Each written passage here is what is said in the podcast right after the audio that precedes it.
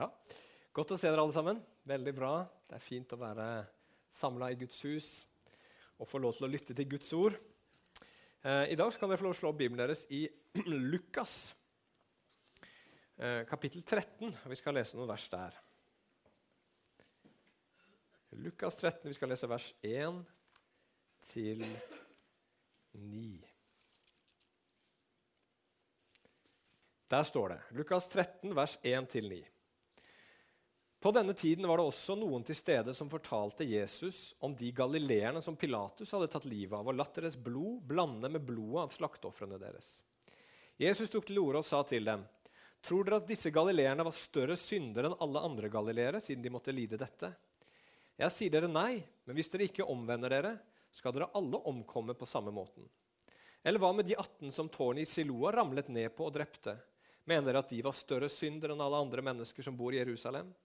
Jeg sier dere nei, men hvis dere ikke omvender dere, skal dere alle omkomme på samme måten. Han fortalte også denne lignelsen. En mann hadde et fikentre plantet i vingården sin. og Han kom og lette etter frukt på det, men fant ikke noe. Da sa han til vingårdsmannen, se, i tre år har jeg kommet og lett etter frukt på dette fikentreet, men jeg har ikke funnet noe. Hogg det ned, hvorfor skal det utarme jorden?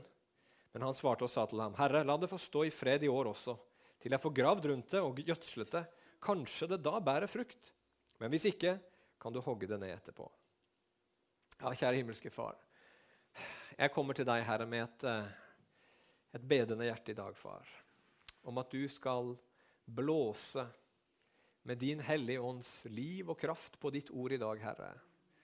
Og at det skal gjøre det det ble sendt for å gjøre.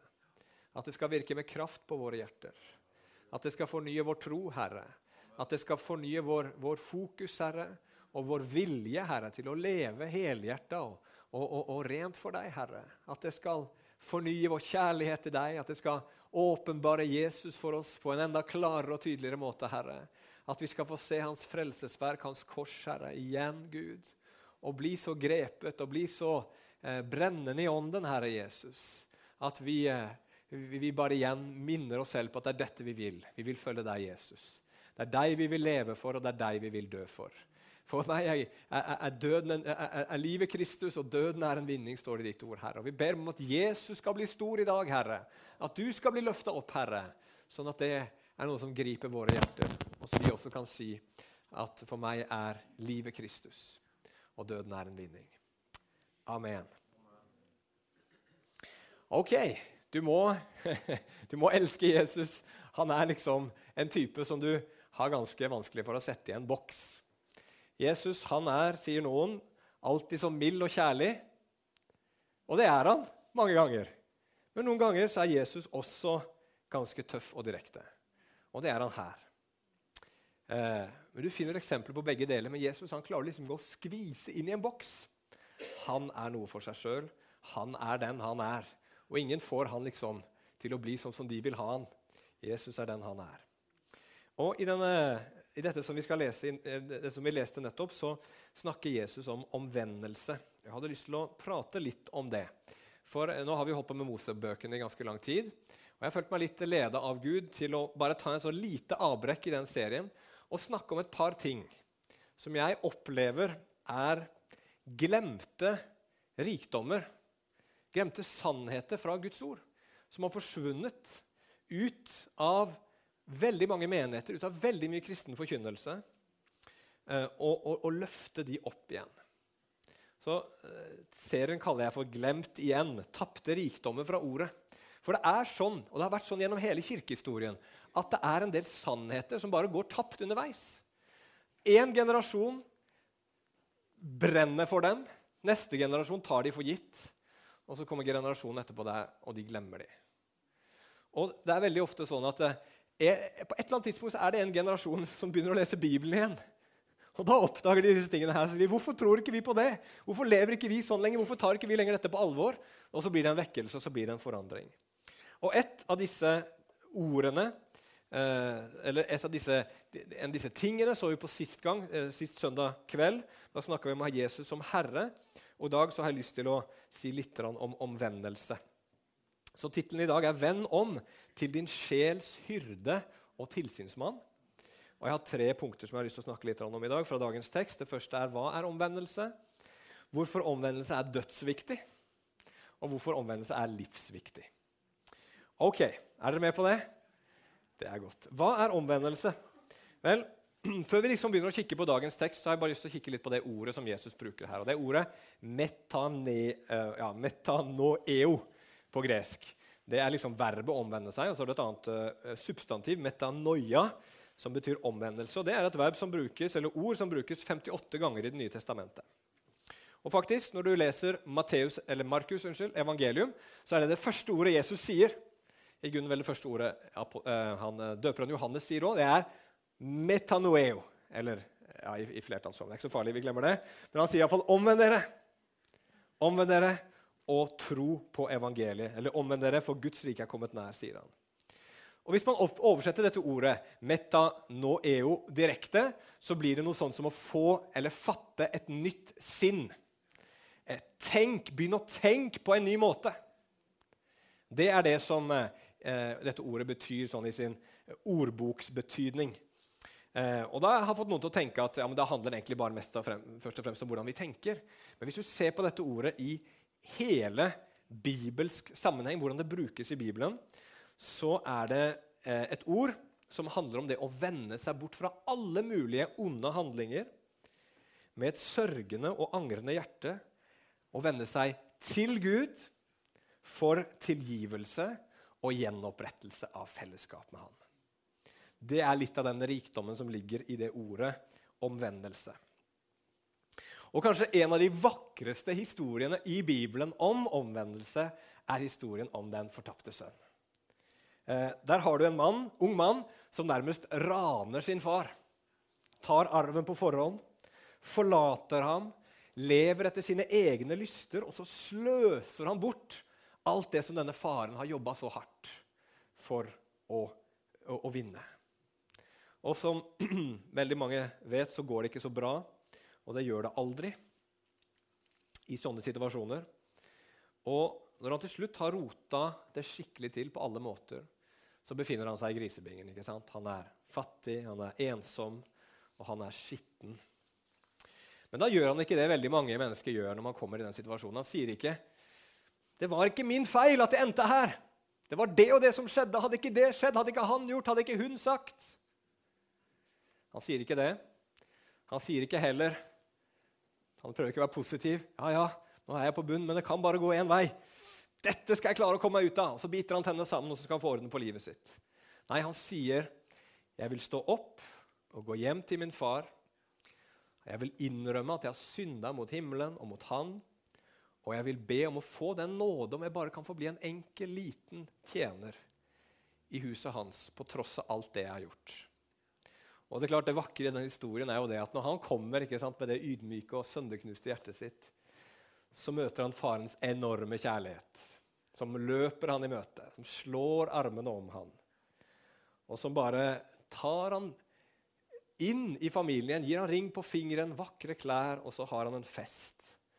Og han, fortsatt, han er fortsatt farens sønn. En vidunderlig vakker historie. Og i dagens historie så så har vi et eksempel på, på mennesker som, som, eh, som, noen mente da var liksom i grisebingen. Eh, mennesker som de mente var under Guds dom. Og Her nevnes det to eksempler. Det nevner noen jøder da, fra Galilea som hadde gått i tempelet, og de skulle ofre dyr, sånn som man gjorde på den tiden, enten for å få tilgivelse for syndene sine eller for å takke Gud. Og så er det en eller annen årsak eh, som ligger i bakgrunnen, som gjør at Pilatus med sine soldater tar livet av disse jødene fra Galilea-området. Og Vi vet som sagt ikke hvorfor det skjedde, men, men eh, jødene tenker da at siden de døde på denne måten, så, så, så må Gud ha vært spesielt misfornøyd med dem. Eh, og Så nevner Jesus et annet eksempel, noe som hadde skjedd. En ulykke, et tårn ved en plass med et Siloa som hadde rast. Og så hadde det falt over 18 mennesker som døde. Og igjen så var det sånn at Folk tenkte at ja, de, disse må jo ha vært verre syndere enn oss. ikke sant? De må ha, eh, Gud, Gud, må ha hatt, eh, vært ekstra sint på de, og, og, det, og, det, var liksom et tegn på, på Guds dom. Og Så tar Jesus dette opp. Men han sier ikke kanskje det veldig mange av oss ville sagt. Nei, nei, det er ikke sant. Eh, de er elska av Gud, akkurat som dere. Det var bare tilfeldigheter det var tilfeldigheter som gjorde at det ble sånn. Han gjør ikke akkurat det, Jesus. Han går heller til hjertet av saken. Han sier, 'Hvis ikke dere omvender dere, så skal dere omkomme på samme måte.' Og, eller kanskje det er bedre å oversette, 'Dere skal på samme måte omkomme'. Altså, det betyr ikke at vi eller de skulle få tårn over seg eller bli drept av Pilatus' soldater, men de også skulle omkomme hvis ikke de omvendte seg. Altså med andre ord så sier Jesus dommen kommer for dere også. Dere er ikke bedre stilt dere enn disse. Og Hvordan visste Jesus det? Jo, Han vet jo det. Han vet jo at alle mennesker er syndere. Alle, ingen, ingen, er stilt i, i, en god stilling innenfor Gud. Alle sammen så står vi skyldige framfor en god, og en hellig og en rettferdig Gud. Men han kunne si det på en spesifikk måte fordi han, de nettopp hadde avslørt seg selv. De hadde avslørt en synd i sitt eget liv i det de sa. Og hvilken synd var det? Jo, det var selvrettferdighet. Åh, for noen forferdelige syndere! Se på de der! Åh, Gud, Det er klart Gud ikke er fornøyd med de. Det ser vi jo, det skjønner vi. Men heldigvis så er det bedre stilt med oss. Og så føler de seg litt bedre enn alle andre. Men når vi ser på ordet omvendelse i Bibelen, så er ikke det bare en omvendelse fra synd, de klassiske syndene som vi finner i Bibelen, å bryte Guds bud, men det er også en omvendelse fra det som Bibelen kaller for selvrettferdighet. At vi stoler på vår egen godhet. Og det gir seg ofte utslag i at vi syns vi er bedre enn andre. Vi syns at vi er ganske gode, for vi, jeg gjør jo tross alt ikke sånn som han og, og, og hun og, og, de, og hvordan de holder på.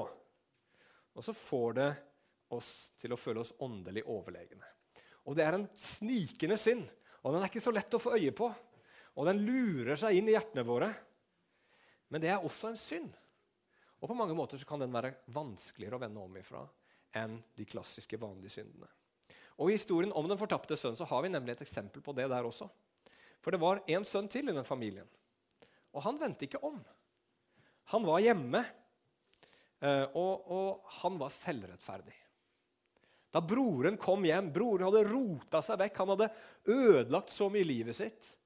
Men så, så, kommer han til seg selv, kommer tilbake og ber om tilgivelse med et sønderknust hjerte.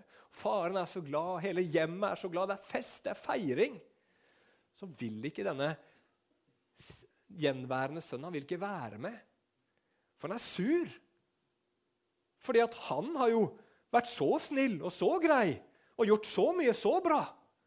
Og så skal de glede seg over han. Hva med meg? Hva med alt det bra jeg har gjort? Og så klarer han ikke å være glad. Han, han, han, han følte at det var urettferdig. Han skjønte ikke at han også trengte nåde. Og Det er faren med selvrettferdighet. Så omvendelse, kjære venner, det er noe som er ganske aktuelt for oss alle sammen. Og noe som vi må leve i stadig vekk. For det er en en, et valg hver eneste dag om å vende seg bort fra all ondskap. Fra de typiske syndene som å bryte ekteskapet, løgn, baksnakking, stjeling og alt det der. Men også vende om ifra at vi tror at vi er så gode og rettferdige i oss selv. Og glemmer at vi trenger Jesus. Og så, så handler det også om at vi vender oss til Gud hver eneste dag. Søker tilgivelse og søker fellesskap hos Han. Det er omvendelse. Og hvorfor er omvendelse dødsviktig, for å bruke et litt rart ord? Det er sånn som jeg vokste opp med å si. Alt var døds et eller annet. Her på Jæren alt gal et eller annet, og inne i Sandnes er det alt sykt et eller annet. Men dødsviktig, jeg bruker det ordet med en hensikt. Det å vende om er dødsviktig. Eh, den serien her kaller jeg 'Glemt igjen', som sagt, da, fordi jeg har lyst til å fokusere på noen sannheter som, som, vi har glemt. Og En av de er da omvendelse. Og Hvorfor har vi glemt det med omvendelse? Jo, En årsak tror jeg, er det at nå har vi levd i et land som har gått eh, og, og, og blitt stadig mer ateistisk. Altså Du har mennesker som ikke, ikke, liksom, ikke lever, ikke bare lever eh, et liv ikke, hvor de ikke liksom, følger troen, men de, de klarer ikke lenger å tro at det fins en Gud. Og så Dermed har vårt fokus som kristne vært å få mennesker til å begynne å tro at Gud fins. Du må få en himmel over livet ditt, sier man kanskje. Eller du må liksom begynne å tro på noe som er større enn deg sjøl. Men Bibelen er soleklar på det at det å tro at Gud fins, det er langt ifra nok. Og Jakob sier det veldig tydelig at selv til og med de onde åndene tror. Men eh, de er ikke frelst for det. Og Når vi leser historien i Det gamle testamentet om israelsfolket, så er heller ikke problemet deres at de ikke trodde at Gud fantes. For det gjorde de aller fleste. Problemet deres var at selv om de trodde på Gud, at de trodde han fantes, så hindra ikke det dem i å bryte hans bud og løpe etter andre guder. Så Derfor sender Gud alle disse profetene i Det gamle testamentet. Og budskapet deres er ikke 'Gud fins! Gud fins!' Dere, dere, må, dere, må, vite at Gud fins. Han fins virkelig. Han, han, han, dere må tro på han. Nei. Det, det, det, ropet som kommer fra hjertene til profetene i Det gamle testamentet, det er 'Venn om! Hold dere bare til Herren! Knus avgudene!' Klag, sørg og gråt over deres synd. Sønderriv hjertene, ikke bare klærne. For det var sånne ritualer de gjorde hvert år, hvor de skulle liksom gå gjennom sånne omvendelsesritualer. Men det var ikke nok. Det var hjertene som måtte berøres. Bekjenn deres synd. Kom til Herren. La Han få lege dere, la Han få rense dere, og igjen velsigne dere. Det var ropet. Det var et kall til omvendelse. Og I Det gamle testamentet også finner vi Moses, og han forteller israelsfolket at det finnes to veier som vi kan følge. Vi står alle overfor to veier. Én som er livets vei, som går gjennom tro og lydighet. Og en annen som er veien til død, som går gjennom synd og ulydighet. Og Det er det Jesus forteller her også. Han sier hvis dere ikke omvender dere, så skal dere på samme måte gå til grunne. Eller som det står i den oversettelsen vi leste, omkomme. Men det Jesus snakker om her, er ikke fysisk død. Han sier ikke bare at hvis, det, hvis ikke dere omvender, så skal dere dø. For det skal jo alle mennesker. Men det ordet han bruker der, og som, som, eh, som, står der på gresk, det er det samme ordet som vi finner i Johannes 3, 16. Og der står det at for så vidt har Gud elsket verden, at han ga sin sønn, den enbårne, for at hver den som tror på ham, ikke skal gå fortapt. Helt samme ordet på gresk. Så det Jesus sier her, at hvis ikke dere omvender dere, så skal dere gå fortapt. Derfor er omvendelse dødsviktig. Det er fint å tro at Gud fins, og det er viktig å tro at Gud fins. Men vi må vende om fra vår synd, sier Bibelen fra første Mosebok til Johannes' åpenbaring. Ellers så går man fortapt. F.eks. For 1. Korinterbrev 6, vers 9-10. Der skriver Paulus.: Vet dere ikke at de urettferdige ikke skal arve Guds rike? Far ikke vil, verken de som lever i hor, dvs. Si de som lever i, i seksuelle forbindelser utenfor ekteskapet, eller er avgudsdyrkere eller ekteskapsbrytere, eller menn som lar seg bruke til unaturlig utukt med menn, eller menn som driver utukt med menn. Det er sant, et annet uttrykk for homoseksualitet. Eller tyver. Eller grådige. Materialister, med andre ord. Eller drukkenbolter. Eller spottere. Eller pengeutpressere skal arve Guds rike, sier Paulus.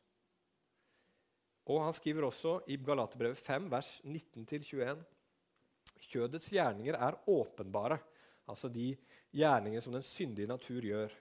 De er ekteskapsbrudd, hor, urenhet, skamløs utukt, avgudsdyrkelse, trolldom, hat, stridigheter, sjalusi, vrede, selvhevdelse, splittelser, ja, partier, misunnelse, mord, drukkenskap, umoralsk festing og andre slike gjerninger. Om disse gjerninger sier jeg dere nå på forhånd, slik som jeg også sa til dere tidligere, at de som gjør slik, skal ikke arve Guds rike. Samme uttrykk igjen. Det samme som vi finner hos Jesus, finner vi hos Paulus, finner vi hele Bibelen. Omvendelse er dødsviktig. Men så sier mange i dag, og det, og det kan jeg forstå, men alle synder jo. Så alle synder jo. Altså Må man nå være perfekt for å komme til himmelen? Er det det jeg sier her? Nei, vet du hva? Forskjellen på en sann kristen og en som ikke er det, det er ikke at den første, den sanne kristne, ikke synder, mens den som ikke er kristen, han gjør det. Forskjellen er at en kristen ikke blir i synden, men bekjenner synden og vender seg bort fra den. Og tar imot tilgivelse, sånn som det står så fantastisk bra i 1. Johannes 1,9. Eller sagt på en annen måte en kristen klarer ikke å leve i synd. Hvis du blir født på nytt og får den nye naturen som eh, Gud Den hellige ånd gir inn i våre hjerter, så brister hjertet ditt av synd. Du kan bli lokka inn i det, du kan bli frista til det, du kan falle inn i det. Men du kjenner, kjære Jesus, det er ikke dette jeg vil. Jeg hater dette. Det er ikke dette jeg vil ha. Det strider mot ens hjerte, det strider mot ens tro, det strider mot ens verdier, det strider mot hva man har blitt. Man orker det ikke, man hater synd. Mens en som ikke er kristen, en som ikke er en sann kristen, blir værende i synden, finner på unnskyldninger og vil ikke slippe den. Og det gjelder også selvrettferdigheten vår. Og en sann kristen blir ikke stressa, blir ikke sint, kommer ikke i forsvarsposisjon, kommer med tusenvis av unnskyldninger når man får høre at man er en synder etter at man har synda. En sann kristen gjør ikke det. Hva gjør en sann kristen når han får høre at han er en synder? Ja, det er sant. Jeg har synda. Og så slår man seg for brystet, sånn som denne mannen i tempelet. Gud, vær meg synder nådig. For den som forsvarer seg, sier Nei, jeg trenger ikke egentlig tilgivelse for det der. Det var ikke så galt, det var ikke så ille at jeg trenger å omvende meg fra det og bekjenne det som synd. Men da sier man der, det jeg gjorde der, det var ikke så ille at jeg trenger Jesus sin tilgivelse. Jeg trenger ikke korset. Så forkaster man hele evangeliet når man forsvarer sin synd. Det er det som er så alvorlig med det. Men nei, kjære brødre og søstre, la oss være så ydmyke. La oss være så ærlige. Ja, jeg sliter, jeg kjemper, det er synd, og jeg vil ikke ha det i mitt liv. Jeg bekjenner det som synd, jeg ber om tilgivelse, og jeg vender om ifra det. Hva, la oss bare være ærlige på at vi trenger nåde. Vi trenger nåde. Og Vi trenger å bekjenne vår synd, og vi trenger å vende om ifra den. Så Jesus han advarer oss. Vend om! For den som blir i sin synd, står det i Bibelen, har kurs mot fortapelsen. Og så har jeg punkt nummer tre. Hvorfor omvendelse er livsviktig. Og Da skal vi lese fra 1. Peter 2, vers 24 og 25. Der står det om Jesus. Han som selv bar våre synder på sin egen kropp opp på treet når han døde, for at vi døde fra syndene, skulle leve for rettferdigheten. Ved hans sår ble dere lekt. For dere var som sauer som hadde forvillet seg. Men nå har dere vendt tilbake til hyrden og tilsynsmannen for sjelene deres. Vet dere hva disse versene forteller oss? De forteller oss at en av de tingene Jesus døde for på korset, det var for at vi skulle få mulighet til å vende om. Jesus døde sånn at vi skulle kunne få muligheten til å vende om. Han tok bort synden, og han forandrer hjertene våre sånn at det skal være mulig for oss å kunne vende om. Og Det er jo to grunner til at Jesus vil at vi skal vende om. Denne har vi allerede sett på. ikke sant? Hvis vi ikke vender om, så går vi fortapt. Men det fins en annen grunn også. Og Den ser vi litt i den teksten vi leste først i Lukas, hvor Jesus snakker om dette fikentreet. Og Det er ofte et bilde på Israel i Bibelen. ikke sant? Men det kan også brukes som et bilde på oss. Vi er disse fikentreene. Og hva er det? Hvorfor er det sånn at denne vingårdsmannen her vil at dette fikentreet skal få lov til å stå et år til? Jo, for han vil at det skal bære frukt. Han vil ikke bare at det skal slippe å bli hugd ned, men han har en plan og en tanke om at det skal bære frukt. Han vil noe godt med det. Han vil at det treet skal få lov til å leve i den hensikt det ble skapt for.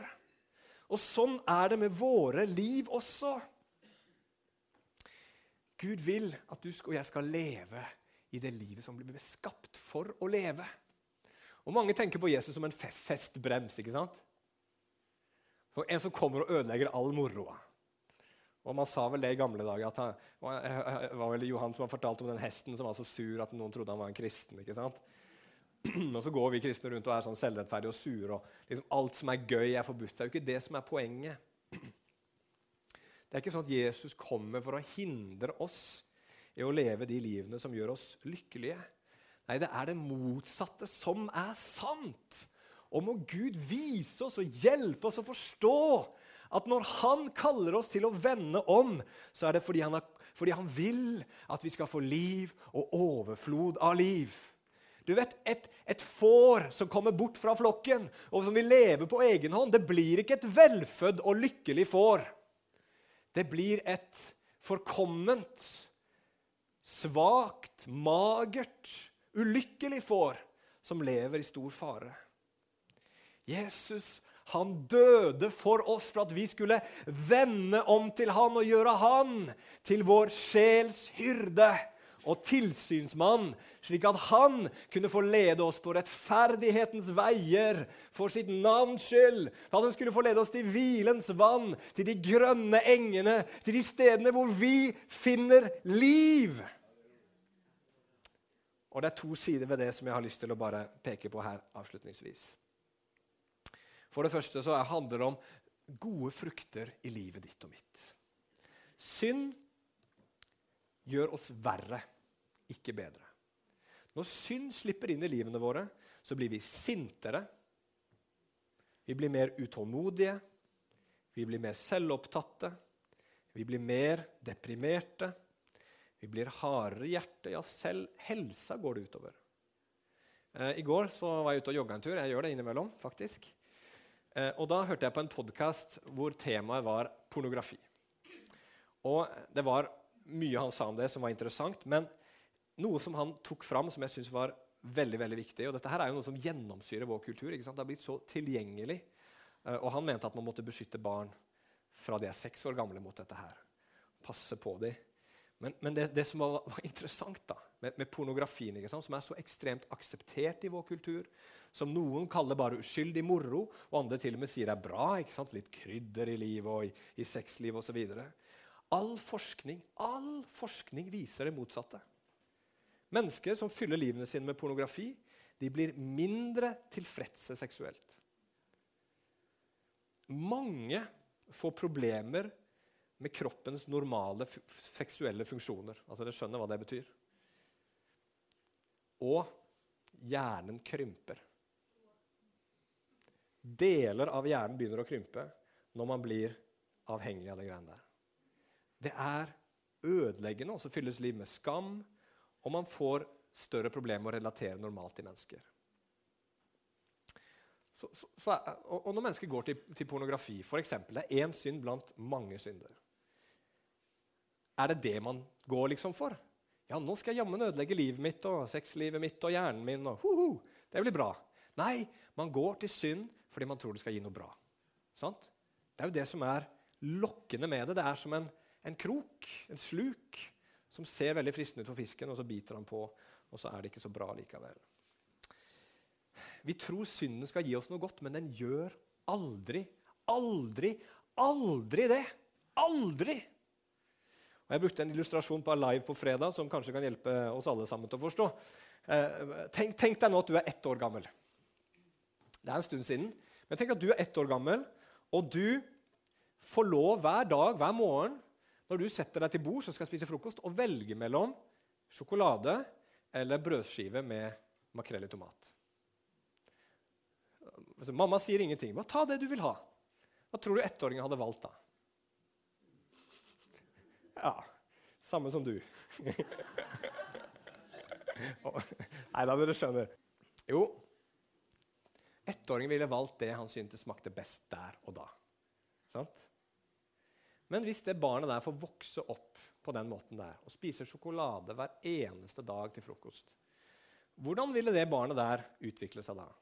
Hvordan ville helsa vært? Hvordan ville framtiden vært for det barnet? Ikke spesielt god. Men der og da ser det jo kjempe, kjempebra ut for dette barnet, men barnet har ikke evne, har ikke intelligensen, har ikke evnene til å forstå hva som dypest sett er godt for det. Og det er det samme med oss. Og når vi vender om til Jesus, så skjønner vi det. At jeg har ikke i meg selv evnen til å forstå hva som faktisk er godt for min sjel, hva som er godt for min framtid, hva som er godt for meg som et menneske. Men Jesus vet det. Han vet bedre enn meg. Han er god tvers igjennom. Han vet hva jeg trenger for å finne sant liv. Jeg vet li like lite som en ettåring vet om kosthold, hva jeg trenger for å finne liv. Så Jesus han kaller deg til omvendelse, han kaller meg til omvendelse. Og til lydighet og til å følge Han for at åndens frukter skal blomstre fram i våre liv. Og nå kan jeg endelig åndens frukter utenat, tror jeg. For nå har vi laga en sang om det på søndagsskolen.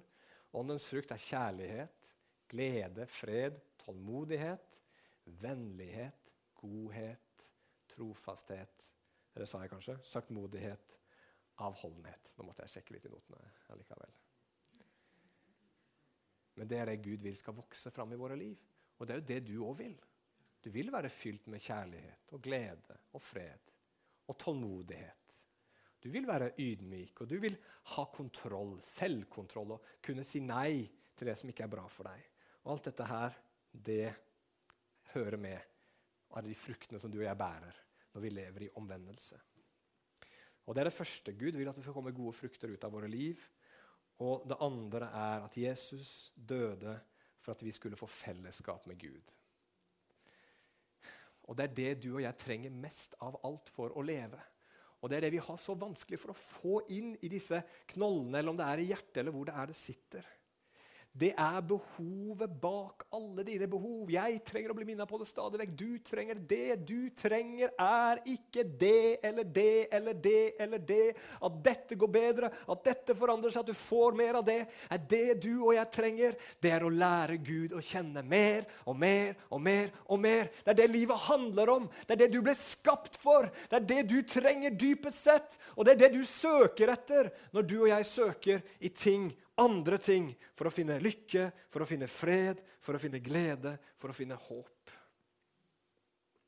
Men det fellesskapet med Gud er ikke mulig uten omvendelse. Vi må vende om. For når du vender om, så er det nettopp det du sier. Du sier, 'Gud, det er deg jeg trenger.' Det er deg og bare hos deg jeg finner livet. Mens når vi lever i synd, så sier vi, 'Det er dette jeg trenger.' Det er her jeg finner livet. Og det er to helt motsatte ting. For vi synder nemlig ikke bare sånn litt tilfeldig. liksom, Oi, bom, nå datt jeg i synd igjen. Nei, Synd er et uttrykk for at hjertene våre lengter etter å være lykkelige, etter å være elska, etter å ha det godt, etter å finne fred, etter å finne trygghet, etter å bare ha et bedre liv, etter å kunne få hvile seg litt mentalt i tankene våre, kanskje. Og Derfor så forklarer Bibelen synd på veldig mange måter er egentlig avgudsdyrkelse. Vi håper på det som bare Gud kan gi i ting som sex, relasjoner, ting, status osv. Hvorfor stjeler et menneske, f.eks.? Jo, det er fordi at man tenker Jeg må ha denne tingen. Den er så viktig for meg at jeg er villig til å bryte et bud som Gud har gitt, eller som, som fins i loven, for denne tingen her må jeg ha. Skal livet mitt bli bra? Dette trenger jeg og så gjør man noe som er galt.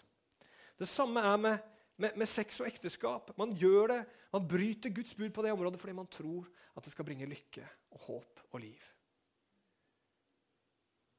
Og det fins alltid en viss lykkefølelse i det. Jeg husker jeg skal bekjenne mine synder da jeg var liten. Så hadde en kamerat av meg en sånn stein, en sånn Sika-stein. kalte vi det i hvert fall når jeg vokste opp. Det er en sånn, der, en sånn stor, svart stein med liksom alle regnbuens farger som skinte ut av den steinen. Skal dere har sett sånne stein. De, de bruker de i noen sånne industrielle greier. Vi fant alltid sånne små, men så var det en kamerat han hadde fått tak i en stor en. Og Den hadde han liggende under terrassen eh, hjemme, og da var det et eller annet i meg som bare tenkte den vil jeg ha. Så jeg gikk og stjal den. Ja. Og så ble jeg sett. Dessverre. Men jeg husker når jeg hadde tatt den, så var det bare sånn voldsom lykkefølelse. sant? Uh, den er min, den er min, den er min. ikke sant? Men lykkefølelsen forsvant veldig fort. Spesielt fordi at uh, foreldrene hans kom og ringte på døra til mine foreldre. Mamma var ikke så glad da. Det blir en lykkefølelse en stund, men så svinner den lykkefølelsen. Og ofte så blir det veldig bittert på sikt også. Og så er det mange mennesker i dag som sier jo, jo. Ja, jeg skjønner det, og, og jeg vet det er rett. Og Gud vet at jeg elsker han, men jeg, klarer liksom ikke, jeg klarer bare ikke å, å, å vende om fra den synden. Men så sier Bibelen nei, men det du og jeg gjør, de handlingene som vi gjør, de valgene vi tar i forhold til disse tingene, viser hva vi dypest sett elsker. Altså Hvis jeg sier ja, ja, den, den synden jeg vet er galt, men jeg klarer liksom ikke å vende om fra det, så sier man Ja, Gud, du er bra, du er viktig for meg, men jeg må ha dette. Jeg trenger deg, Gud, men jeg kan ikke leve uten dette her. Og så er det jo helt omvendt, ikke sant? Det er Gud vi ikke kan leve uten. Så det å vende seg bort fra Gud, det er i grunnen det mest alvorlige vi kan gjøre.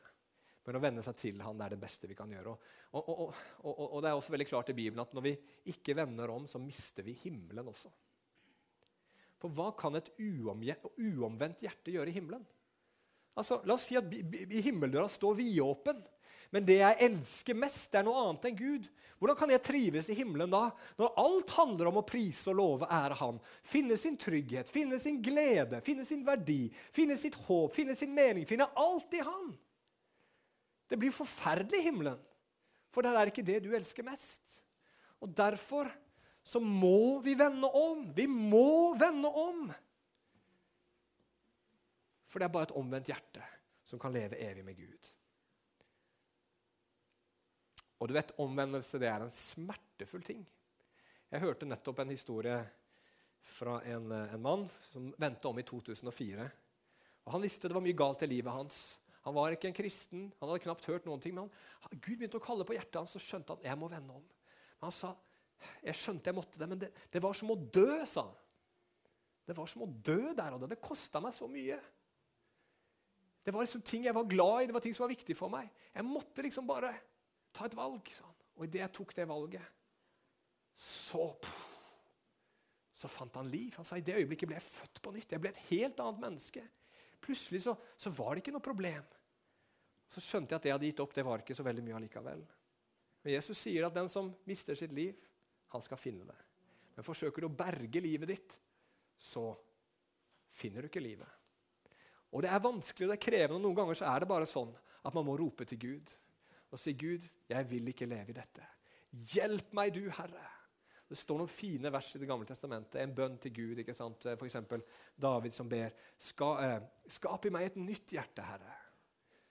Eh, 'Forny en stødig ånd i mitt indre.' Et annet sted står det, 'Omvend meg du, Gud, så blir jeg omvendt'. For det er et verk som Gud gjør når vi roper på Han. Vi klarer ikke vår egen kraft, vi må kalle på Han. Si, 'Gud, omvend meg du. Dra mitt hjerte til deg. Hjelp meg å se.' For vi er så inni den løgnen at dette er livet, dette er bra, dette trenger vi. Men med en gang vi ser hvem Jesus er, med en gang han åpner øynene våre, så er det som med Paulus. Det er bare søppel alt sammen sammenligna med kunnskapen om det å kjenne Kristus Jesus, leve et rent og hellig liv for Han. Så kjære venner, Gud kommer ikke for å ta gleden ifra oss. Han har ikke kommet for å stjele gleden, men han har kommet for å gi deg glede som ikke denne verden kan gi. Og den er til og med evig. Evig glede. Å, Herre. Og jeg vet hvordan det er i mitt eget liv også. Når jeg lever nær Gud, når jeg søker Han, når det er Han som er min skatt, så er jeg så fredfull. Jeg er så lykkelig. Livet mitt er så godt å leve. Jeg er en bedre ektefelle for Rebekka. Jeg er en bedre far for mine barn. Jeg er, mer, jeg er sånn som jeg ønsker å være. Det fins harmoni. Men når det er kamp, og jeg har tatt noen feil steg i livet mitt, så kommer det all slags mulig dritt og elendighet inn. Dere vet hvordan det er, alle sammen. Derfor er dette budskapet her et budskap om liv. Vend om! Vend om, sier Bibelen. For Gud elsker oss og vil gi oss liv. Og Heldigvis så er Gud tålmodig. Og det er det jeg skal avslutte med. Det var dette treet ikke sant, som sto der og ikke bar frukt. Og så var det liksom på tide å hogge det ned. Men så sa denne vingårdsmannen nei, la det få stå ett år til. Vi gir det enda en sjanse. Gud er så tålmodig med oss. Det står i Bibelen han er sent i vrede. Han er rik på miskunn. Men la, oss ikke, la, det, la, la ikke det bli en hvilepute for livene våre. Nei, lytt til Guds kall i dag. Om det er store ting, om det er små ting, så la oss bare med glede vende om fra vår synd og vende oss til Gud. Amen. Vi vender om fra et stolt hjerte til et ydmykt sinn. Vi vender om fra synd til lydighet mot Hans ord. Vi vender om fra selvrettferdighet til korset. Vi vender om fra avgudsdyrkelse til sann tilbedelse. Amen. Gjør det i dag, for en dag så kan det være for seint. La oss be til sammen til slutt. Kjære himmelske Far. Her har jeg bare lyst til å takke deg, for du vet så mye bedre enn meg hva jeg trenger. Du vet så mye bedre enn hver enkelt inne her hva vi trenger, Gud. Vi trenger et, ikke et enkelt liv, Herre. Vi trenger ikke et liv uten utfordringer. Vi trenger ikke et liv hvor det ikke koster noe å følge deg, Herre. Vi trenger ikke et liv Herre, der vi kan styre sjøl og gjøre akkurat det våre lyster vil. Herre. Nei, Det vi trenger, er et liv under ditt herredømme. Med deg som vår Herre, og med deg som vår frelser. Og Herre, jeg har bare lyst til å be at du i Den hellige ånd skal åpenbare for våre hjerter denne sannheten. Herre, så ikke bare vi blir grepet av den, Gud, og, kjenner at det er en glede, Gud, men at vi kan kalle andre mennesker til omvendelse òg, Herre. Det er ikke bare at de skal begynne å tro at det fins en Gud, Herre, men det er å vise dem at det å vende om til deg, det er selve livet, Herre. Det fins ikke noe bedre. Og Jeg har bare lyst til å be om at du skal reise opp mennesker, evangelister i vår tid, Herre, som kan kalle mennesker til omvendelse, Herre. Omvendelse og tro. At det skal finnes så mange kristne rundt omkring som elsker omvendelse, for de skjønner hva det er. Det er en omvendelse fra død, fra fordervelse, fra mørke, fra bitterhet, fra sorg, fra ødeleggelse, fra råttenhet til liv, til frihet, til lys, til håp, til glede, til salighet, til lykke. Til alt av det gode, Herre, som du har skapt oss for å leve i, Herre. I Jesu Kristi navn. Amen.